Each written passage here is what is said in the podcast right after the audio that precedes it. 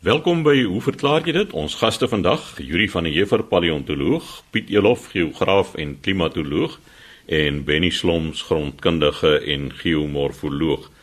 Benny, ons boer langs die Oranje rivier, jy gesels oor skadinette langs die Oranje rivier. Dankie Chris. Ons het navraag gekry van Johan Roo van Gauteng. Hy skryf as volg: Hulle het gaan blomme kyk gedurende die middel Augustus en het via die Noord-Kaap dis nou via ou Grabies, Kakamas, Kaimus, Appington het hulle teruggery na Gauteng. En hy wil weet wat gaan aan.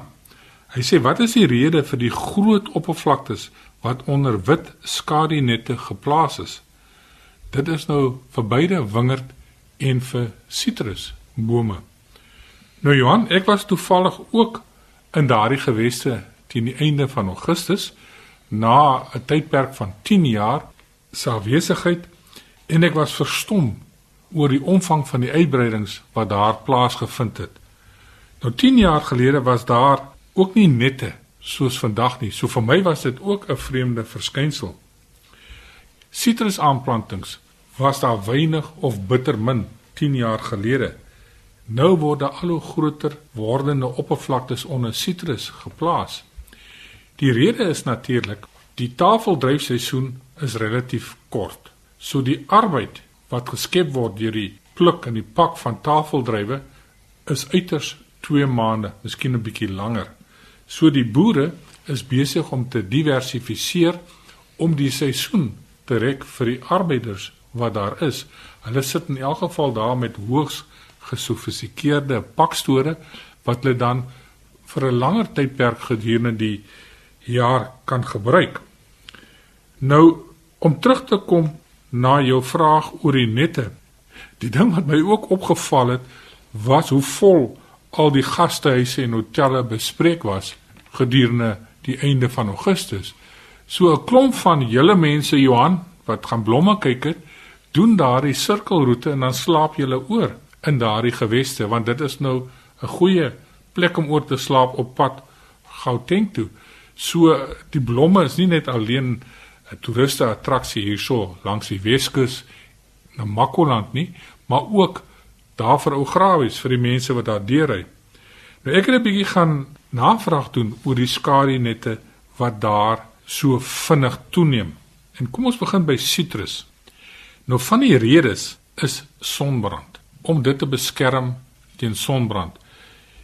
Ek het nie die syfers nie, maar ek vermoed dis hierdie 25% skadinette wat hulle opsit. En van die produsente daar het vir my gesê dat hierdie afgelope Januarie maand van 2016 het hulle uiters hoë temperature daar gemeet. Dit was hier in die begin van Januarie. Die temperature was so hoog dat van hierdie lemoenboorde, die sitrus daar, het afgespeen sodat daar geen oes was nie. Die plant kon dit nie byhou met water onttrek uit die grond het om te voorsien gedurende hierdie uiters hoë temperature nie. Ek het gaan naslaan om te kyk wat was die temperature so byvoorbeeld in die tydperk 6 tot 7 Januarie is temperature van tot so hoog as 48,6 grade Celsius gemeet by Ograbies by daardie weerstasie. Die vorige 2 dae was dit 45 grade elke dag. En van die boere het vir my gesê dat hulle het in hulle boorde daar het oor die 50 grade Celsius gemeet. Nou onder sulke toestande, Johan, sal 'n mens skade kry en soos ek reeds gesê het, die sitrus het net al daai klein vruggies afgespeen met die gevolglike verlies van die oes wat dan my man dan moes plaasvind. Nou as ons gaan kyk na tafeldrywe, hoekom sit die boere hulle onder nette? En my buurman David Simon sê die hoofrede is deur die groei tydperk te manipuleer van tafeldrywe. So deur die tafeldrywe in hierdie beskermde omgewing te sit onder nette kan hulle die ryp word tydperk kan hulle verminder. So die drywe kan goue ryp word. En soos ons almal weet, en die wat dalk nie weet nie, die goue reël is as jy wil geld maak, dan moet jy die regte tyd op die Europese mark kom met jou produk. En die regte tyd is hier voor Kersfees. Dan koop almal. So ons vrugte en ons uitvoerdrywe behaal baie baie goeie pryse. En as jy is hierdie goeie pryse wat dit vir die boere moontlik maak om hierdie duur nette op te sit. Dan 'n ander rede hoekom hulle doen is om die skade van voëls te verminder. Nou voëls kan groot skade maak deur enerzijds van die korrels af te vreet daarso en in baie gevalle word die korrels net gebreek. Hulle vreet so bietjie daar en dan loop die sap loop oor die res van die tros. Dan kry jy mens swaminfeksies. So jy moet dan addisioneel spuit. En dan soos in die geval van sitrus sonbrand. In die verlede is sonbrand beheer deur snoei tegnieke. As 'n mens dink aan tafeldrywe, jy sit met 'n prieel opleistelsel en die trosse hang onder in die skaduwee. So jy behoort nie eintlik sonbrand te kry nie, maar met hierdie nette wat opgesit word, is die beheer soveel makliker. So om jou vraag te beantwoord Johan, dit is so hoë waarde produk tafeldrywe dat die boere kan bekostig om addisionele moeite te doen om hulle oes te beskerm, om hulle oes vroeër te kry. Aan die einde van die dag is dit vir hulle lonend. My vrou was saam met my gewees gedurende hierdie uh, rit wat ek onderneem het na Grabies toe en sy het dadelik gesê kyk hoe ons suur die mense die landskap. Dis hierdie plate wit nette wat jy oral sien. So ek moet erken esteties is dit nie aantreklik nie, maar die boere sal vir jou sê as hulle moet kies tussen die estetika en die prys wat hulle kry vir hulle vroeë produkte op die mark, dan uh, gaan die estetika tweede kom. Binne dit herinner my aan 'n uh, redelike polemiek wat daar was oor juis hierdie tipe van nette oor groot areas in Stellenbosch omgewing waar mense veral arbeie produseer. Maar daardie nette soos jy gesê het, stel jou in staat om die klimaat binne of in die omgewing, die mikroklimaat te beheer of te bestuur rondom daardie spesifieke plante. Met die gevolg is dat soos in die verlede waar ons net min of meer in Oktober, November, Desember arbeie kon koop, kan jy dit nou dwars deur die jaar koop as gevolg van die feit dat hierdie manipulasie van die mikroklimaat rondom daardie plante so is, maar dan ook die kwessie oor die oor die ontsiering, as ek dit nou in aanhalingstekens kan sê van die omgewing, was daar juis 'n uh, redelik groot kapsie teenoor die groot oppervlaktes wat deur hierdie nette bedek is. Ja, die arbeidsboere gebruik meer plastiek as nette Maar wat vir my uh, nie so lekker is van hierdie hele vervroegde seisoen van arbeie nie, wanneer nou eintlik arbeidsseisoen is, dis gedurende die warm maande van Desember en Januarie, dan is die arbeioes klaar, dan kry jy nie meer arbeie nie. Nou wie die drommel wil nou arbeie koop in Julie en Augustus, dalk September, maar jy kan in die middel van die winter kan jy nou al arbeie kry. Benie jy koop hom in die winter, maar hy is regtig nie soet soos wat die arbeid behoort te wees nie. Piet, ek dink as jy wil ordentlike soet arbeie in Julie eet, moet jy maar Homelden toe gaan. Dit was dan Benny Sloms wat gesels het oor die skadinette langs die Oranje rivier. Yuri, in die vorige program het jy die ontstaan van lewe bespreek. Nou is jy by die ontstaan van die tikmasjien. Dankie Chris, goeiemôre almal. Ja, dit is maar hoe evolusie werk, né? Ons het 'n brief gekry van 'n gereelde luisteraar, Jan Koetser van De Ben, en hy het 'n kort en kragtige vraag. Hy sê: "Wat is die spesifieke praktiese oorwegings by die rangskikking van die letters op 'n tikmasjien of 'n rekenaar se sleutelbord of anders gestel, hoekom is die letters nie in 'n alfabetiese volgorde nie?" Nou Jan, die tikmasjien het 'n veel bewoë geskiedenis. Daar is al reeds in 1714 deur 'n Engelsman met die naam van Henry Mill so 'n soort van uh, tikmasjien gepraktiseer wat nooit prakties uitvoerbaar was nie, maar die ding kon sonder 'n lint of ink sulke afdrukke van letters op papier maak. Ek dink 'n mens praat hier van bossering of embossering, dan het jy nou net so 'n driedimensionele beeld van 'n letter. Maar die eerste keer in uh, 6 Julie 1867 was daar 'n aankondiging in die tydskrif Scientific American ene John Pratt het toe 'n tikmasjien uitgevind wat werk. Daarvandaan het die ding heelwat verander. 1865 was daar 'n man met die naam van Melling Hansen en hy was amper so 'n voorloper van hierdie tikmasjiene wat ons later jare gekry het met die golfbal. Dit lyk soos 'n golfbal met al die lettertjies daarop en hy het so 'n balvormige ding gemaak met letters en dan kon jy nou daarmee getik het.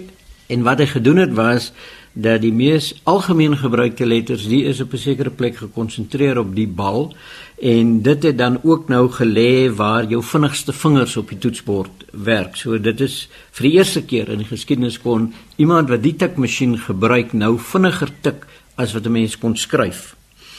As 'n uh, sydelingse opmerking moet 'n mens ook onthou dat die druktelegraaf is rondom 1848 uitgevind En die eerste kommersieel suksesvolle tikmasjien is deur vier manne uitgevind met die name Scholes, Glidden, Soul en Densmore.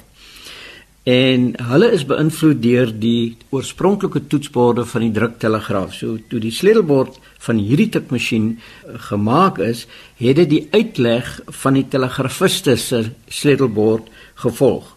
Nou die telegrafiste het gewerk met morsekode, maar daar was drukletters gewees en hulle het ook gewerk met Amerikaanse morsekode wat anderster is as die morsekode wat ons destyds op Ceres mag ek sê in die voortrekkers geleer het wat jy nou mekaar met 'n flits allerlei boodskappe stuur maar hulle die Amerikaanse morsekode gevolg en dit het aanleiding gegee dat die klompie letters wat links bo op die sleutelbord gesit is in die volgorde Q W E R T Y gesit is QWERTY. En daar's nou 'n hele aantal redes hoekom QWERTY kamstig nou geskep is. Nou daar was 'n pragtige artikel deur Stephen Gould, ook 'n paleontoloog, waar hy die QWERTY sleutelbord gebruik het om 'n sekere aspek van evolusie te illustreer. Nou hy het die storie gevolg dat die aanvanklike tikmasjiene het sulke lang metaalvingers gehad met die letters aan die voorpunt. En die goed was maar baie wankelrig. Sodat wanneer jy getik het, moet jy eintlik nie letters hê wat in 'n woord langs mekaar lê wat ook langs mekaar op die sleutelbord lê nie, want dan kan hierdie lang vingers nou vashak. Nou iemand wat ek sien Piet lag hier en hy beduie allerhande goed. So jy het seker al so 'n tikmasjien gebruik. Dit was die rede wat Gould aangegee het dat om nou te keer dat die goed nie aan mekaar vashak nie en ook omdat mense vingers nie almal ewe hard druk nie. So jou pinkies druk nie so hard soos die res van die vingers nie. So die kortste letterarms is vir die pinkies gegee en die langer arms is vir die sterker vingers gegee. En dit het gelei tot daai samestelling van QWERTY linksbo op die sleutelbord.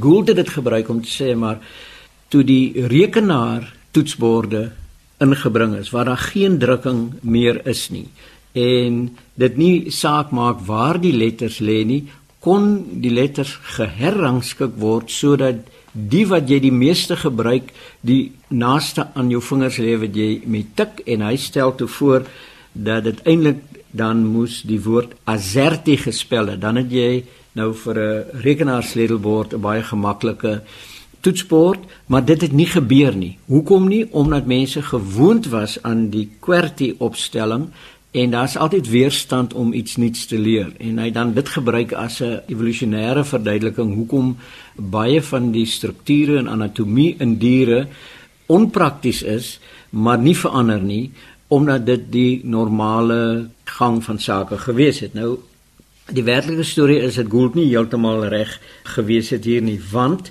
die ontwerp van daardie QWERTY opstelling was aanvanklik om mense te akkommodeer wat telegrafiste gewees het wat reeds 'n sekere stelsel gebruik het en dit het hulle stelsel vir hulle makliker gemaak en so opgestel dat die mees gebruikte letters van die alfabet dan in die middelste ry van die toetsbord gewees het want dit is hoe dit nou gewerk het. Van daar af het die tikmasjien se vordering voortgegaan uh, baie bekende maatskappy wat betrokke geraak het was Remington. Nou in die 1800s het Remington veral naaimasjiene vervaardig en as ek my nou reg herinner, vandag is Remington 'n groot naam wanneer dit kom by gewere en skietgoed. Piet, jy sal seker meer daarvan weet as die gemiddelde persoon. Hierdie nee, ek uh, sal my nou nie uitgee vir iemand wat te veel weet daaroor nie, maar dis heeltemal korrek, daar is Remington gewere. My seun besit self so 'n model. Wat ek wel weet is dat baie van hierdie produkte wat ons vandag koop met bekende erkende name nie noodwendig in daardie lande meer vervaardig word nie. Dit word eintlik baie keer uitgekontrakteer met baie spesifieke spesifikasies of soos wat dit ook in die algemene taal bekend staan as specs wat nagevolg moet word. So dit mag wees dat jou Remington wat jy koop in Suid-Afrika dalk in China vervaardig is. En uh, nou ja, laat ek nou nie verder kommentaar lewer daaroor nie. Dankie, maar in elk geval 1873 neem Remington toe die vervaardiging van tikmasjiene oor en hulle kom toe uit met die Remington nommer 1 tikmasjien wat kommersiële sukses gewees het en in 1878 het 'n kerel met die naam van Byron Brooks vir die eerste keer sleutels ontwerp wat 'n uh, dubbele doel gedien het. En ons onthou nou almal dat as jy uh, met die ou tikmasjiene gewerk het, dan is daar 'n sleutel wat jy druk en dan selekteer hy of die boonste of die onderste letter, hoofletter of kleinletter op die sleutel en dit was natuurlik nou uh, nog 'n uh, baie suksesvolle ontwikkeling verder. So om op te som waar QWERTY vandaan kom, is eintlik nie omdat die sleutels vasgesteek het nie, want hulle kon net die masjien beter ontwerp het dan. Die primêre gebruik vir tikmasjiene aanvanklik was deur mense wat morsekode, Amerikaanse morsekode gepraktiseer het en hulle kon op daai stadium tot 30 woorde per minuut stuur en ontvang, so het redelik goed gevorder. En dan stenograwe wat mense in howe en ander plekke kry wat ook met tikmasjiene werk en van hierdie stenograwe kon meer as 100 woorde per minuut skryf. Daar's ook 'n verdere ding dat die QWERTY opstelling eintlik 'n bemarkingsfoefie gewees het want dit het die verkoopsmanne van die tikmasjiene in staat gestel om dan die naam van die tikmasjien of iets van die tikmasjien te tik deur net die een ry van hierdie syfers te gebruik.